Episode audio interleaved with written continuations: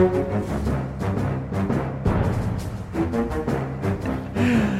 eh, nei, men da setter vi i gang med denne ukens Aftenpodden. Eh, på plass alle sammen i studio. Velkommen politisk redaktør Trine Eilertsen, hei. God dag. God dag, god dag. Kulturredaktør Avtroppene. Ja, snart i NTB. Sara Sørheim, hallo. Hei. Og jeg heter Lars Glomnes. Eh, vi tar for oss litt av hvert om eh, norsk politikk og litt brexit og ukens eh, store ting etter hvert. Du har vært ute på, på landsmøtet i helgen som var, Trine? Sesongen er som sagt i gang, så jeg startet på et av de tristeste stedene jeg har vært, tror jeg, som heter Hell. Rett ved Stjørdal. Rett i praksis på flyplassen på Værnes. Det er kjøpesenter tvers over gaten her som som er sånn at hvis du bare Hvis du har hang til depresjon, så må du ikke stirre på det i mer enn fem minutter. Det må du ikke gjøre. Så det var jo Men eh, det, jeg tok en liten tur. Gikk med en tur, og det ser mye bedre ut så langt du forflytter deg noen meter derfra. Det, så det skal trønderne ha. Men de liberale de møttes for å snakke om eh, Ja, problemet med de er jo at de skal snakke om alt. Mm. Eh, venstre, altså? Ja. Venstre, ja. Så de snakket jo selvfølgelig om denne her eh, gåsetegn lederstriden. Eh, Abid Raja var veldig mange opptatt av. Eh, Også Abid Raja, vil jeg tro. Ikke minst. Mye snakk i gangene om eh, hans strategi for å mm, eh, hva skal vi si, Noen mener dra teppet under eh, nåværende partileder, og andre mener at eh, vi trenger å røske litt opp i det her nå. Men hovedtonen var at det anses som litt destruktivt, det han holdt på med de siste ukene. Er hans sjanser til å bli ny venstreleder svekket eller styrket av velgen? De er ikke styrket. Nei. Det er de ikke gjort. Men, er det sånn? Eh, ja. Så, ja. Og, men de er også åpne om, eller så åpne som det blir i sånne situasjoner, om at vi er nødt til å gjøre noe med ledelsen i Venstre. Så det skal de ta, velge neste år. Eh, om det blir alle tre, altså Terje Breivik, eh, Ola Elvestuen og Trine Skei Grande, eller om det blir bare én av de, eller hvordan de gjør det. Det er de ikke så klar på, men noe må skje. Det, men, er litt sånn men, eh, var, det, var det, et, eh, det var ikke et vedtak, så å si? Det var, ikke vedtak. Nei. Dette var helt utenfor agenda, men sånn er det jo ofte. at Det som du snakker mest om, det står ikke på dagsorden. For det de, eh, det de, snakket mye om De snakket jo masse om De har lyst til å markere seg på innvandring overfor Frp. Gjorde det. Kom en uttalelse som er ganske markant. Eh, og de eh, diskuterte lakseskatt. Det skal Høyre gjøre i helgen. Og ja, en del andre ting. Men eh, poenget er i hvert fall at de gikk eh, svekket inn i landsmøtet. Uh, og spørsmålet er om de kom styrket ut. Det er jaggu ikke godt å si. Det får vi se på målingene. Jeg tror ikke det skjedde så mye ute hos velgerne etter det landsmøtet. Nei, det var ikke noen saker eller noen store diskusjoner utover uh, den uh, kanskje, kanskje ikke liksom, lederstriden som nådde liksom en bredere ut. Det var ikke noe, var ikke noe etterlatt jeg... inntrykk, som det heter, av at det var noen politiske saker der. Altså, mitt etterlatte inntrykk, og det sier jeg var litt uh, avkobla den, den helga her, men det var en video som nådde meg fra sosiale medier av av eh, altså lederen i Unge Venstre og Sveinung Rotevatn eh, på en butikk i eh, biekostymer. Ja. Ja. Og det, det, var det ikke Odd Einar Dørum som også var ikledd noe av dette? Tidligere justisminister og, i Norge og leder av Venstre gikk rundt i dette bie, eller det vil si de hadde fått kritikk for det. Fordi at de som kan bier, hadde sendt inn og sagt at dette, dette er ikke biekostyme, det er et vepsekostyme. Ei, ei, ai. Men altså det å kle, kle, seg ut i teite kostymer og liksom gå rundt og være et eller annet forsøk på folkelig Få oppmerksomhet om uh, småkrypene og insektene som forsvinner. Det var jo det de ville. Tenker bare all ære. Altså det ville jeg Der går min grense, sånn forfengelighetsmessig. Det der kunne jeg ikke gjort. Altså det tenker jeg, Da er du engasjert på vegne av småkryp. Fordi det går rundt sånn Det er bare Hvis du ser på ansiktet til Svein Rotevatn, så tror jeg det går an å si at du er ikke aleine om det, Sara. Jeg er ikke sånn 100% komfortabel med å stå i en, en oppstikk og spørre noen om, om bier. og, og det er, eh, men jeg liker det. det er jo et, når du er et så lite parti, så, så, kan du gjøre litt sånn rarere ting. Ja, Du kommer unna med det, men det som store, skjellsettende, dype problemet til Venstre, det er jo skal de være det lille partiet med alle disse 900 millioner hjertesakene? Det er det det er. Det er også et parti som er stappfullt av hjertesaker. Enda mer enn KrF? Å uh, oh ja. Oh ja. Mer enn alle. Eller skal du prøve å være et parti som har en, en tydelig profil, der du f.eks. bruker et sånt landsmøte til å markere deg på et par saker som faktisk gjør at du skiller deg fra resten av partilandskapet? Det høres jo litt kanskje ut som det siste hadde vært smart, eller? Tror, tror ikke det hadde vært så dumt. ja, det er helt siste, for det må alltid høre. Du har ikke fortalt noe om det tidligere. Hvordan var det noe var det noe landsmøtemiddag, eh, fest? Det er alltid en, eh, en, en, liten opplevelse å skille disse landsmøtene fra hverandre, basert på hvordan de legger opp eh, middag, underholdning, eh, dansing. Er det noen Ja, eh, meldinger der? Dansing var det ikke. Det var det ikke. Og det er jo, det må jeg si, sammenlignet med Senterpartiet, der du har så vidt fått i deg kaffen og desserten før du dras ut på gulvet i en reinlender, så var jo dette veldig dempet. Ja. Så det var, det var Nei, det var hyggelig middag. Det er jo alltid det. Så vi sitter nå på pressebord og bråker litt for mye, og til og med fikk kjeft. Og, Ja, Ja. det er sånn det skal være. Men eh, kjeft eh, er det flere som har fått denne uka. Hørte du det? Det er en Ai, ai, tradisjonell ai. liten overgang. Ai, ai, Da. Lars, nå tok du steget opp Ja. i programleder førstedivisjon. ja. For eh, det som har fanget hele Norges oppmerksomhet denne uka, er jo NSB, som overraskende plutselig kom med den store avsløringen at de skulle bytte navn, Ja. sammen med Nettbuss, uh, til uh, Vy. Åh, Og Ja. eh, det, det her Ja. er eh, det er, eh, det er så mye rart i hele denne prosessen. Og vi kan ikke bare først lodde engasjementsnivået i, i rommet her. Sara, kan kan begynne, for her er hun helt mainstream. Ja, ja, men altså ja, men, det, Jeg gikk jo veldig kjapt ut eh, i, i takt med folket på den saken. Eh, og hadde en sånn gut reaction, hva heter det? Altså mage, magefølelsereaksjon, på at vi er et sånt ord som tilhører sjangeren dit språket går for å dø. Tror jeg faktisk jeg skrev på Facebook. Fornøyd med den formuleringen. En liten stund, helt til jeg kjente på den eh, litt, det, det lille ubehaget av å være en del av på en måte en slags sånn folkedomstol. Og er det noe jeg virkelig misliker Sorry, jeg vet jeg høres ut som en elitist nå, men altså jeg misliker folkedomstoler, hvis det er lov å si høyt. Altså da, Når alle er sånn skjønt enige om at ekspertene har tatt feil, så har jeg en sånn hang til å på en måte da plutselig liksom havne på liksom fagfolkas side. Så det har vært en vanskelig uke for meg. Eh, også for vi. Men ikke minst for selvbildet ditt. Ja. ikke minst som mitt selvbilde. eh, og uh, vært utfordrende å liksom være en del av den store, det store hylekoret. Men jeg tror jeg bare må innse at jeg tilhører det hylekoret, fordi det ordet, det navnet vi, er komplett ubrukelig. Helt ubrukelig. altså det er, eh, Jeg klarer nesten ikke å si det engang. Det er helt, mis, helt fullstendig mislykka. Så det mener jeg er eh, Der er det grunn til å være veldig kritisk. Eh, Så kan vi snakke litt etterpå om det der at de skifter navn i seg selv, da, er et problem. Jeg tror jeg heller til at det, det skjønner jeg faktisk argumentet for å gjøre. Uh, at selskapet endrer seg. Så jeg er ikke imot den endringen, altså, men resultatet. Men, og du da, Eilertsen? Nei, altså, vi- Sist vi hadde denne samtalen her, for den har vi hatt før, det var jo da Statoil skiftet navn til Equinor. Og da eh, Jeg må nesten bare gjenta det jeg sa da. For da merker jeg, idet det denne pressemeldingen kommer om at det navneskiftet kommer, så går jeg inn i sånn akutt fatigue.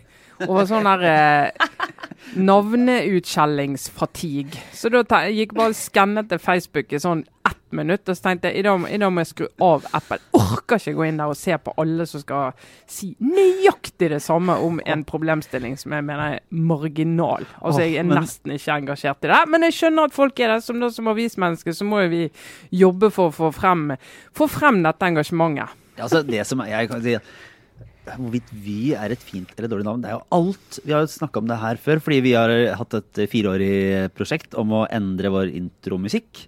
Ja, eh, et som et mislykka fireårig prosjekt. Ja, nettopp. Fordi at hver gang du skal ta et steg og, og eh, redefinere deg selv, eller, eller la, det, la navn eller andre sånne ting eh, oppdateres og reflektere hvem du er eller hva du har blitt, Mm. så er den prosessen helt jævlig.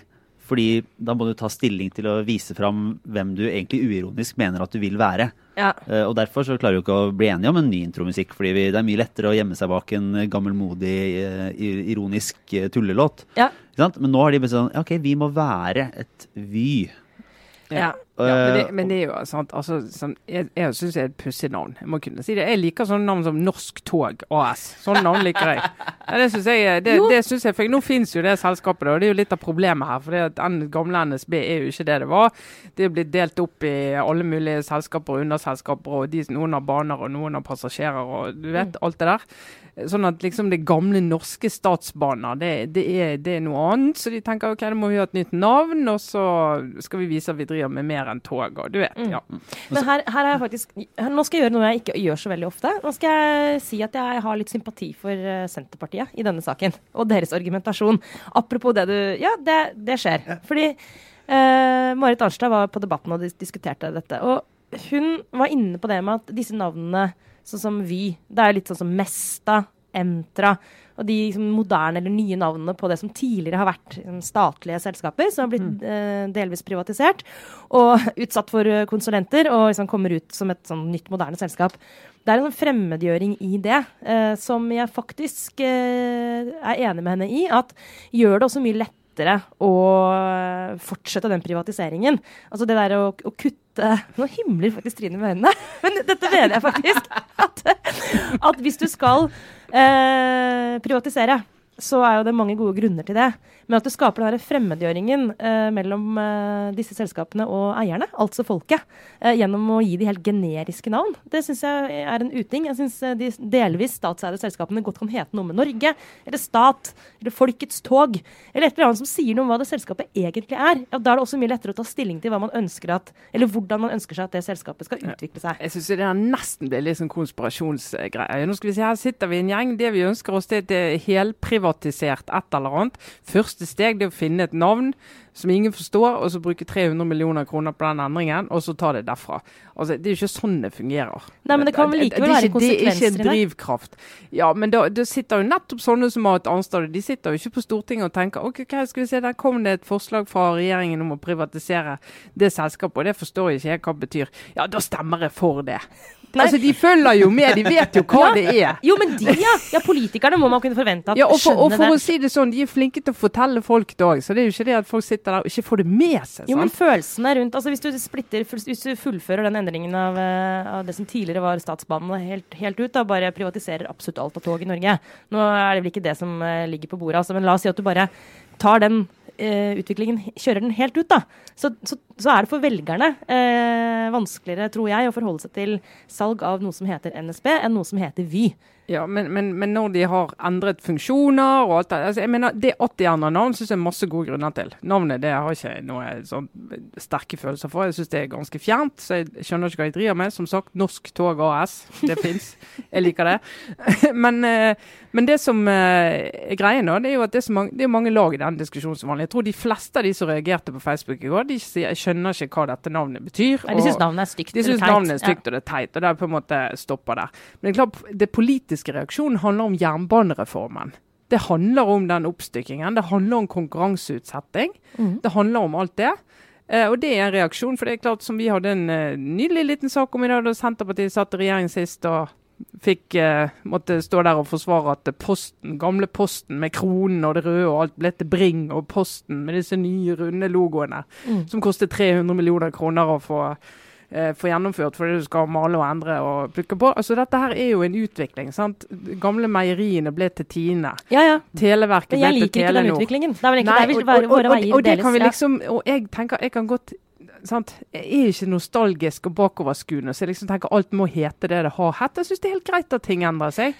Så så lenge ting funker, det går helt fint. Ja, men, men, det, jo, ja, men det, har jo en eller annen uh, betydning. Man vil jo kommunisere noe med det. sånn at når Go-Ahead, som har vunnet anbud for, for å drive det som heter Sørlandsbanen, kommer inn i Norge. Jeg har holdt på å vært kontroversielt i, Storbritannia i mange år. Uh, får kjeft og høres ut som noe veldig utenlandsk. Go ahead. Ja, hva er det?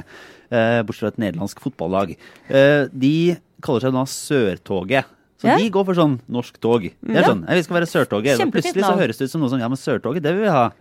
Eller, jo, men, jo, men, nei, men poenget er at uh, jeg er ikke imot uh, for, Og der vil jeg bare Der vil jeg understreke, uh, i den grad det er nødvendig. Jeg er ikke imot endring i seg selv.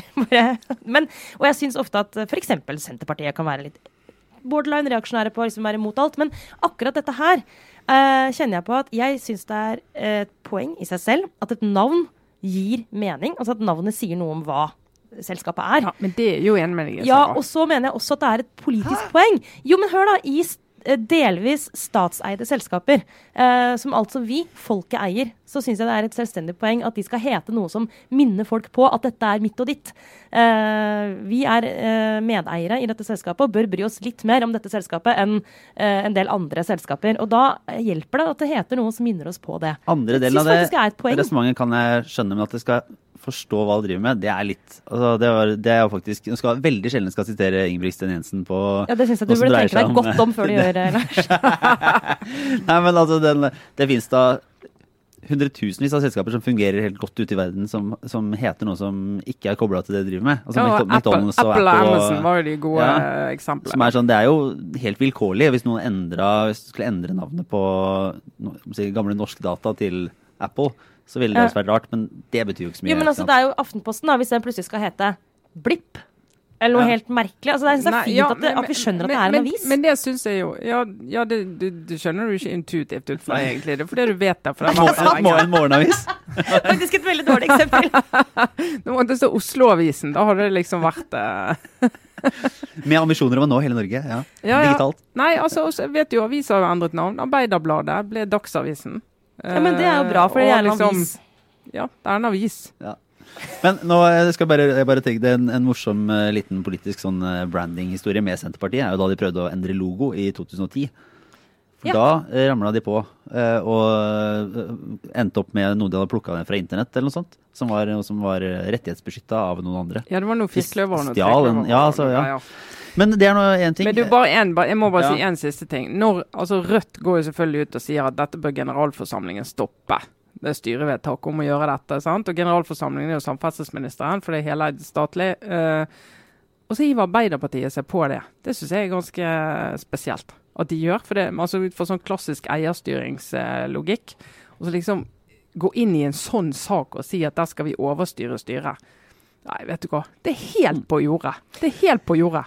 Der er jeg faktisk helt enig. Altså, når ulykken først har skjedd, så uh, er det litt sånn ja, OK, men da Det har skjedd, og det Ja, må vi liksom sånn, leve med. alle, jo alle merker jo denne store folkelige motstanden. Ja, Hvis du leser Facebook, så gjør du det. Og så kan det godt hende at det er det, og du skulle hatt det ut og vist det frem før og alt det der. Men vi har en struktur for eierstyring. Så kan du ikke liksom komme seile inn på en sånn vi føler at folk er imot. Altså Det er en måte å gå ut i, å drive politikk på som er Jeg har ikke ord. Men er ikke det egentlig er ikke det akkurat det som er å være populist? Å gjøre akkurat det? Jo, det er faktisk selve definisjonen. Men eh, nå, nå var det, det Om vi skulle hoppe videre rett inn i neste En kjapp, kjapp runde innom det vi glemte å snakke om eh, forrige uke, eh, nemlig Lambda.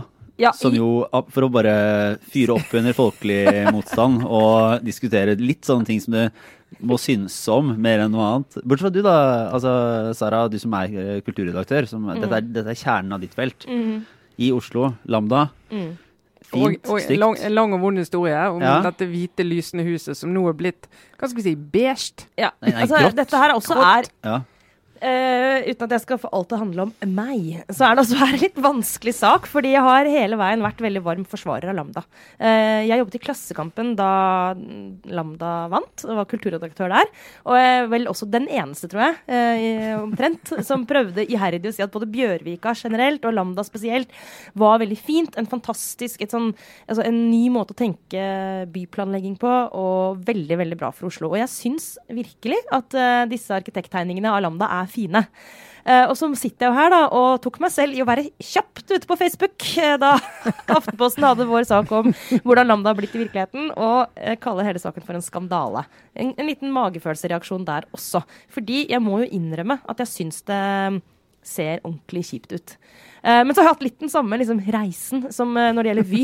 Fordi jeg har liksom gått fra å være helt sånn intuitivt sånn Å, herregud, dette er helt mislykka, til å bli litt sånn Men vet du hva, nå må vi eh, kanskje ta litt rev i seilene, fordi det er ikke ferdig. Det er foretatt en faglig vurdering. Det er arkitekter som har gjort dette. Kanskje vi skal vente og se. Kanskje det blir bedre enn det ser ut som. da.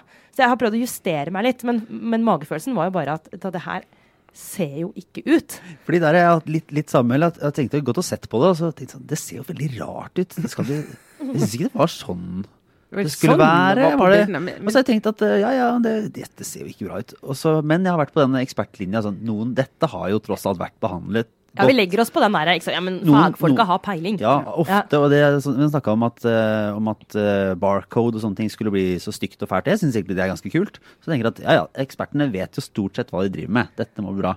Og så kommer det litt fram etter hvert sånn En del av de ekspertene også er sånn Nei, det her er bare ræva! Det er, det er bare Det er, det er stygt. Ja, liksom det funker ikke. Og det er jo, jeg må jo si som eh, Jeg har jo kjøpt noen boliger eh, i mitt liv, og vært på noen visninger, lest noen annonser på Finn. Og det er den følelsen når du eh, ser en annonse på et, et, bolig du har tenkt å kjøpe med lille peisen, blå himmel altså Det er så fotomanipulert at du vil bare ikke tro det. Og Så kommer du inn der, Ja. og så er du kommet til liksom helvetes forgård. Så tenker du, hva skjedde på veien her? Og det går jo til å leve med når du holder på med en, ja, en leilighet til hva da, to millioner kroner. Ja. Men når det til tre milliarder, så er det litt kjedelig hvis du liksom Ja, men blir forført av ja. disse her eh, prospektene, da. Det, det fine Tinder-bildet, ja. Det er, eh, Ja, sveip til høyre. Rendring Rendering har vi lært at det heter nå. De Ja. tegningene. Eh, av de arkitekttegningene. Men ikke sant, det, er også, det er jo interessant, fordi jeg tilhører jo en sånn type en liten gruppe, da. Sosioraster og dette for noe. Som er Hvilken gruppe er det, Sara? Nei, det kan andre sette ord på. Men i hvert fall som har Urbane metoo-eliten var det forrige uke. For eksempel, blir ofte det. Nei, men som har lært at når det gjelder liksom smak, så skal det ikke stygt og pent nødvendigvis være det som er utslagsgivende. sant? Og dette er jo rett inn i sånn Bourdieu-greier. At moderne kunst eh, altså På veggen hjemme hos mine foreldre så henger det masse ting som, som, som jeg kanskje nå for første gang kan si høyt at er ganske stygt, men det er veldig bra kunst.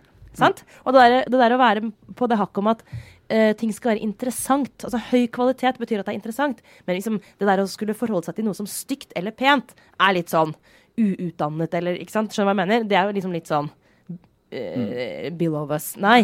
Og med Lambda så tror jeg akkurat nå så har jeg på en måte landa på at du kan fortsatt si at det bygget er interessant, at det er arkitektonisk spennende. Det er veldig mange ting man kan si som på en måte er positivt om Lambda, men jeg har liksom innsett at når du skal bygge noe i offentligheten, et gigantisk bygg for offentlige penger, vet du hva, det holder ikke lenger. Du kan ikke hoppe over stygt og pent. Fordi Lambda, sånn som det står nå Sorry, ass, det bare smerter meg å si, men det er stygt. Og da blir det så veldig vanskelig når du til, bringer til torgs alle de andre argumentene for hvorfor bygg, bygget funker.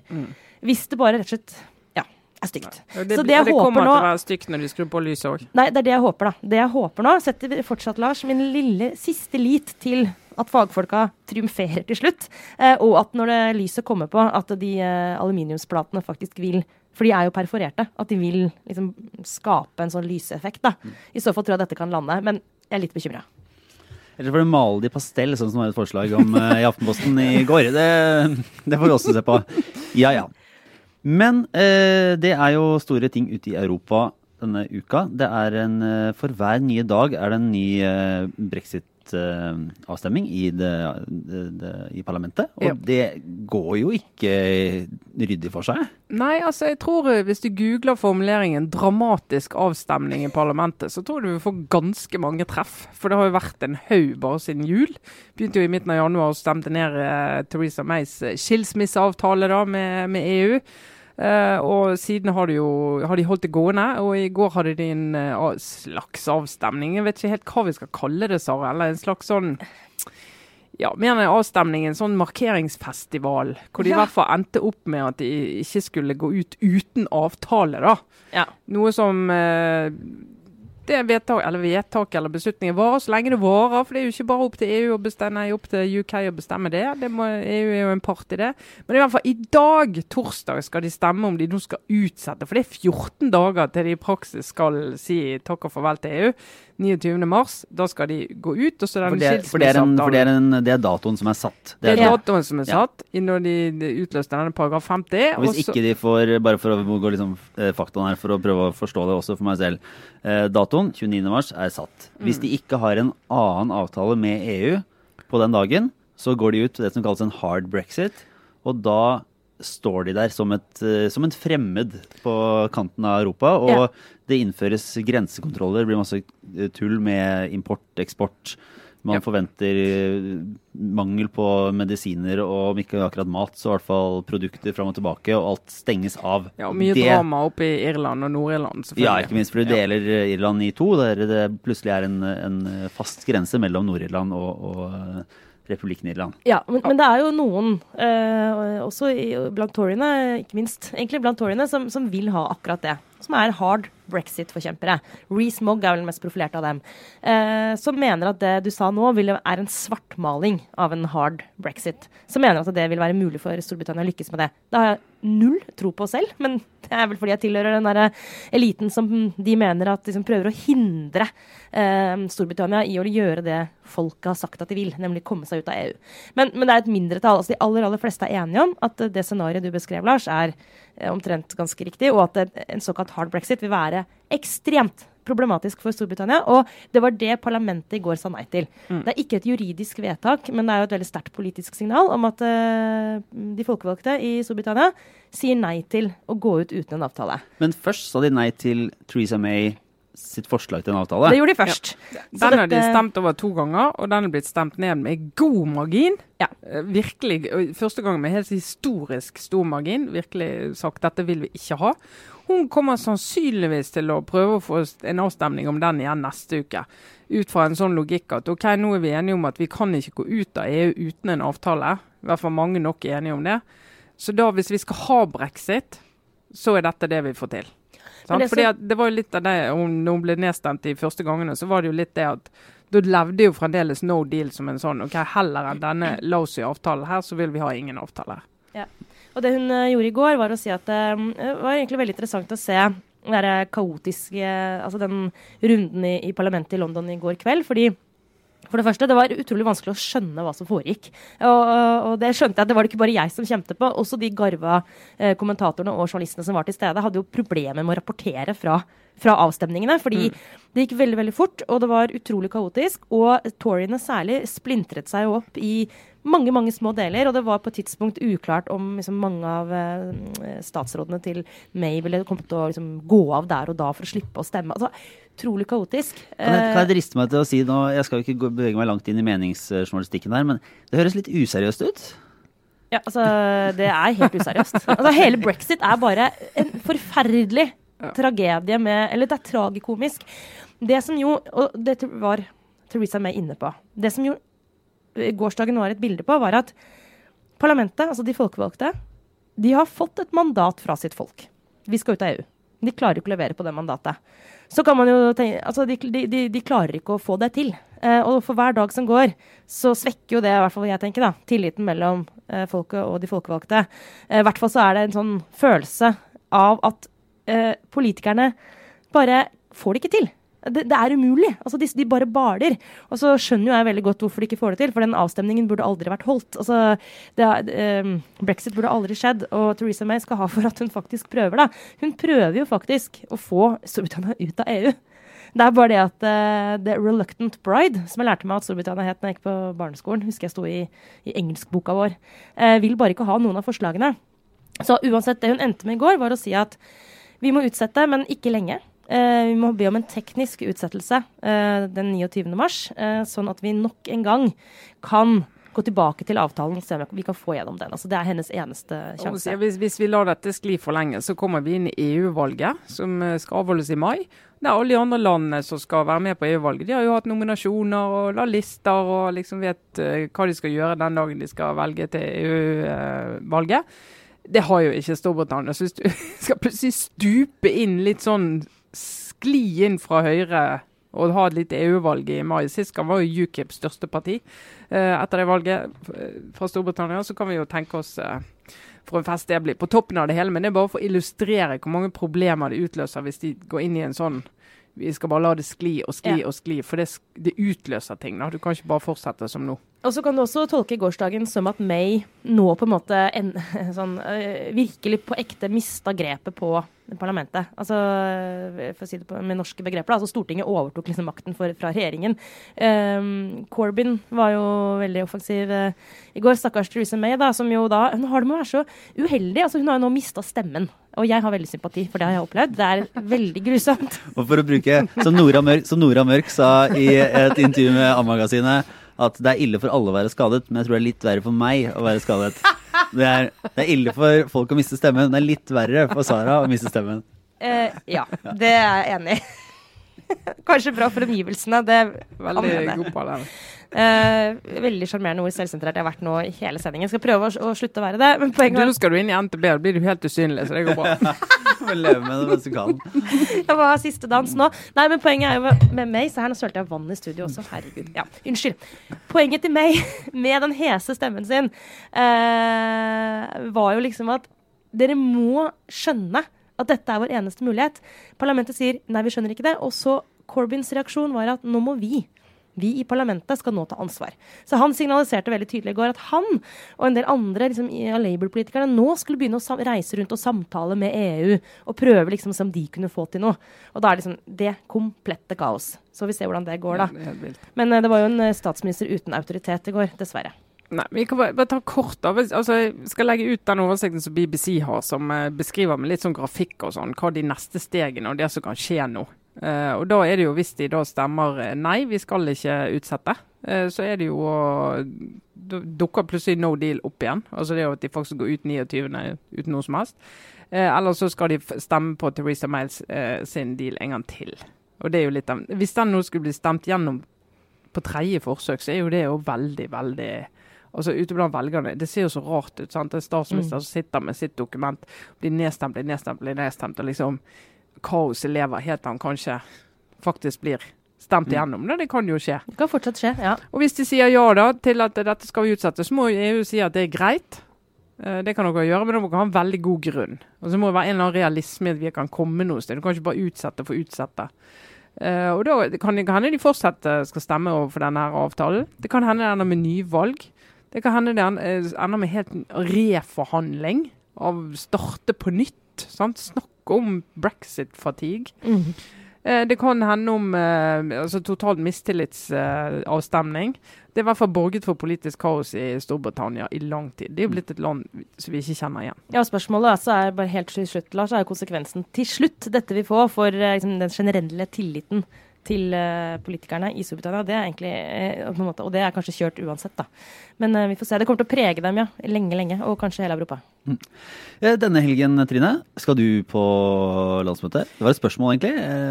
Det er ja. Høyre som skal har, sette seg ut på Gardermoen. klart å rigge meg sånn at nå jobber jeg tre uker og to helger i strekk. Mm. så da tar jeg en liten mellomlanding her i redaksjonen hjemme fra Venstrelandsmøtet, og så sklir jeg opp på sjarmerende Gardermoen på Høyre-landsmøtet i morgen. Uh, og da snakket med, snakket med Høyre-folk om det, så sier de ja, hva er det dere er uenige om i år, og hva blir de store kampene? Og så den ene snakker med blir bare helt stille og sier nei. ja, jeg sier det. Nei, det, si det. Det er, noe, det det vanlige. Det er noe litt sånn forsvar og 2 %-målet. De er oppe hvert år, og så er det Nei, hva blir Altså, for å være helt ærlig, eh, så, så jeg tror ikke det blir så veldig men, spennende. Men, så det er jo et godt innsalg. Var det ikke dette de kalte for et par år siden Mulighetskonferansen?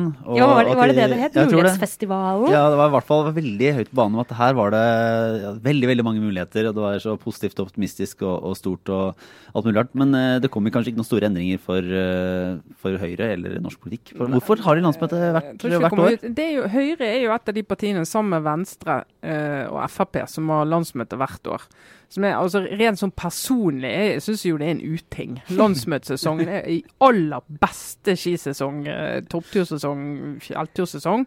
Eh, så det har jeg argumentert for ut fra det ståstedet mange ganger overfor partiledelser jeg har vært i kontakt med.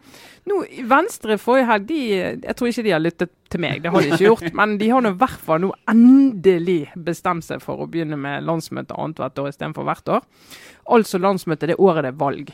For Da er det jo i hvert fall ett eller annet som står på spill. Som vi snakket om forrige gang, så er det landsmøte før stortingsvalget som er de mest interessante, for da er det programbehandling. Mens nå før kommunevalget så er det mer sånn uttalelser og resolusjoner og litt sånn. Men likevel kan være spennende, det også. Og på Arbeiderpartiet og litt sånn tror det blir. Det blir mye som skjer. Men eh, de har det i Høyre, og i Høyre har de jo også hatt den diskusjonen. Det var en som sa til meg at eh, vi må ha det.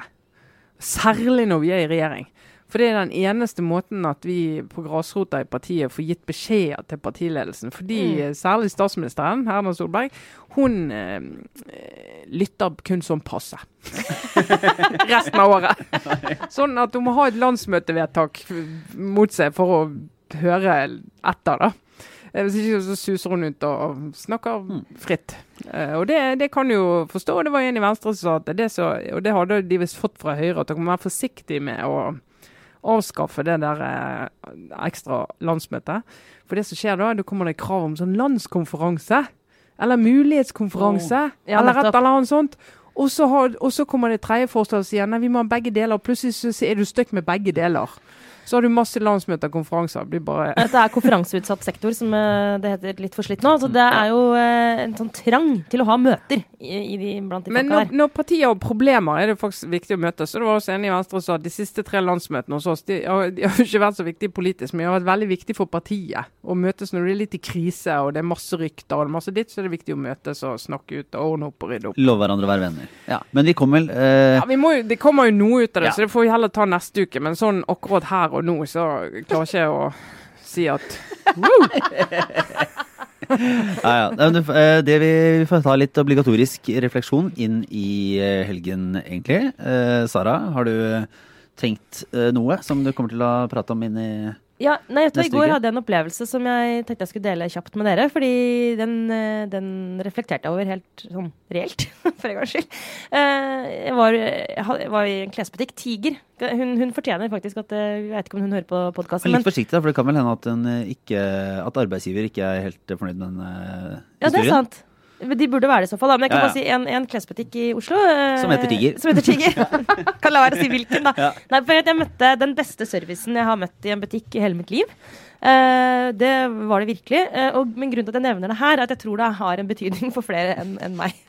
Eh, og det er at jeg, jeg hadde på meg et skjørt som jeg syns var blitt litt slitt. Og det er et sånt skjørt som de har i den faste kolleksjonen sin. Så jeg tenkte at nå skal jeg kjøpe en, bare kjøpe et nytt et. Et likt, nytt skjørt. Eh, og så møtte jeg denne utrolig hyggelige mm, ekspeditøren. da. Ekspeditrisen sier man, man vel ikke lenger. Nei. Hun var en ung jente. Eh, så sa hun til meg at ja, ja, vi har det, vi har det skjørtet i din størrelse inne. liksom. Men så sa hun men du har jo på deg det samme skjørtet. Og jeg bare ja, men det har blitt litt slitt. Og sa nei, men ærlig talt, hva mener du slitt? La meg se på det. Og så sa hun, tok jeg det av meg, ikke prøverommet, tok jeg det av meg. Og så sa hun du, dette her, dette kan jeg fikse, la meg stime det for deg. Tok hun noe med på bakrommet som hadde sånn proff sånn steamer. Og så sa hun det er et lite hull, det kan vi sy igjen. Og, og så her underskjørtet må bare foldes opp litt. Og, og så sa hun sånn jeg kan fikse dette her kjempefort. Jeg kan gjøre det, jeg kan sy det for deg nå hvis du vil. Og så var jeg sånn ja, men jeg hadde egentlig tenkt å kjøpe et nytt. Og så sa hun vet du hva. Det er så viktig å ta vare på de klærne man har, og ikke bare kjøpe nytt når de er litt krøllete. Og så ble jeg stående med litt sånn skjegg i postkassa og tenkte sånn Hun har så evig rett, og så hører du også med til historien at jeg kjøpte et annet skjørt. Eh, så hun gikk ikke glipp av et salg heller. Men uh, jeg opplevde det selvfølgelig personlig som en veldig god service. Men uh, grunnen til at jeg nevner det her, er at jeg tror i hvert fall min svogerforskning, en ting jeg ser rundt meg, tyder på at hun er representant for en generasjon som faktisk helt genuint er opptatt av at vi skal leve på en måte som er, for, som er bærekraftig. Og at eh, overforbruk, f.eks., må vi bare slutte med. Eh, og dette er en generasjon som i motsetning til oss har vokst opp med en helt reell og konkret angst for eh, klimakatastrofen. Jeg tror det har preget dem på en helt annen måte. Og det må jeg bare si, det er jeg så glad for. fordi selv om jeg selvfølgelig hele mitt liv har, har visst om altså, miljøet har vært et spørsmål, så kjenner jeg jo ikke, i hvert fall ikke gjort det frem til nå, helt sånn helt, helt inni meg en sånn Altså jeg klarer ikke å ta de valgene i livet mitt hver eneste dag som jeg tror er nødvendig, da. Fordi jeg kanskje ikke har hva heter det for noe, internalisert eh, dette her. Eh, så nå håper jeg egentlig bare at hun Jeg håper at dem, de som er litt yngre enn oss, er sånn som henne. Og som bare det, De eh, Unnskyld at jeg blir litt pompøs nå, men det er litt sånn Sånn er det man må redde verden, da. Men her, men her er det jo nå, det at nå sitter det sikkert masse folk, og kanskje en del da yngre, som sier sånn Nok en eh, enda mer voksen person som sier at dette er ungdommens ansvar, og det er liksom den generasjonen som skal rydde opp. Og så er det jo det er jo du og de som deg som sitter med makta og faktisk tar grep som får en betydning, da. Ja, Det er bare sånn klassisk å peke litt på eh, de unge som skal ja, ja. Som er så flinke i framtida. Men det er, det er mer et paradoks ved, ved tankerekka enn at eh, Men det kommer til å prege norsk politikk sannsynligvis. Senere i dag så skal jeg være med et eh, panel på en konferanse og diskutere norsk eh, klimadebatt. Altså hvordan den fungerer. Og den fungerer jo ikke så kjempebra. Og en av grunnene til det er jo at folk snakker veldig forbi hverandre. Og jeg tror f.eks. at når oljenæringen snakker om hvor viktig de er for um, velferdsstatens overlevelse, da, hvor, mye, hvor mye de bringer inn av penger til det norske statsbudsjettet, så faller det litt på stengrunn. Hvis du snakker til folk som er sånn Det er samme om norske velferdsstaten kan overleve i 40 år til, hvis verden faktisk går under. Altså et eller annet med at, eh, at eh, den mentalitetsendringen eh, er ganske enorm, og at den slår inn eh, på et litt ulikt eh, tidspunkt. Noen sitter igjen i en litt sånn annen type retorikk, da, mens andre, andre er mer på den der katastrofetankegangen. Og kanskje det riktige er et sted midt imellom, jeg vet ikke. Men for, akkurat nå så er det litt sånn eh, Jeg tror akkurat det med generasjoner spiller litt inn, da. Mm. Eh, skal vi se, du da Trine? Nei, altså sist, uh, sist, uke så satt vi og snakket om uh, uh, Michael Jackson-dokumentaren som vi, ingen av oss da hadde sett. Og så mente vi litt om det. Jeg har sett den nå. Um, og bakteppet selvfølgelig for min egen del er jo at jeg var jo ihuga Michael Jackson-fans på 80-tallet. Ja og mener han har hatt en enorm betydning for populærmusikken og populærkulturen. Og Det, mener, altså det, det, er bare det er faktaboks. Det har han hatt. Og Så så jeg denne dokumentaren, og du vet det var jo en sorg. Det var en sorg å se den. Eh, han er veldig god. Eh, sitter, snakker med disse to eh, mennene som forteller om, eh, om sin eh, opplevelse med han. Eh, og da påstår overgrep. Det forteller de veldig troverdig om. Uh, men det som jeg egentlig sitter mest igjen, selv om jeg må liksom, det er en vanskelig prosess å gå gjennom det at en du har liksom sett veldig hatt et sånt forhold til mm. musikken til, og kunstverket hans, da. Det er jo én diskusjon. Men det andre er jo det den filmen egentlig forteller om, og forteller om på en veldig god måte. Det er hvordan barn prosesserer overgrep. Altså mm. hvordan barn uh, går gjennom tenårene eh, komme opp i voksen alder, få egne barn, og hva mekanismer som gjør at de reagerer sånn som de gjør underveis. Hvordan de tar avstand fra det, hvor skammen er plassert.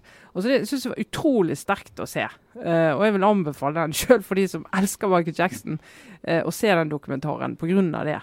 Mm. fordi at det, Pluss at selvfølgelig så har du hele dette med hvordan en person med så mye makt har tilgang eh, på en måte som eh, ja, er ganske skummel.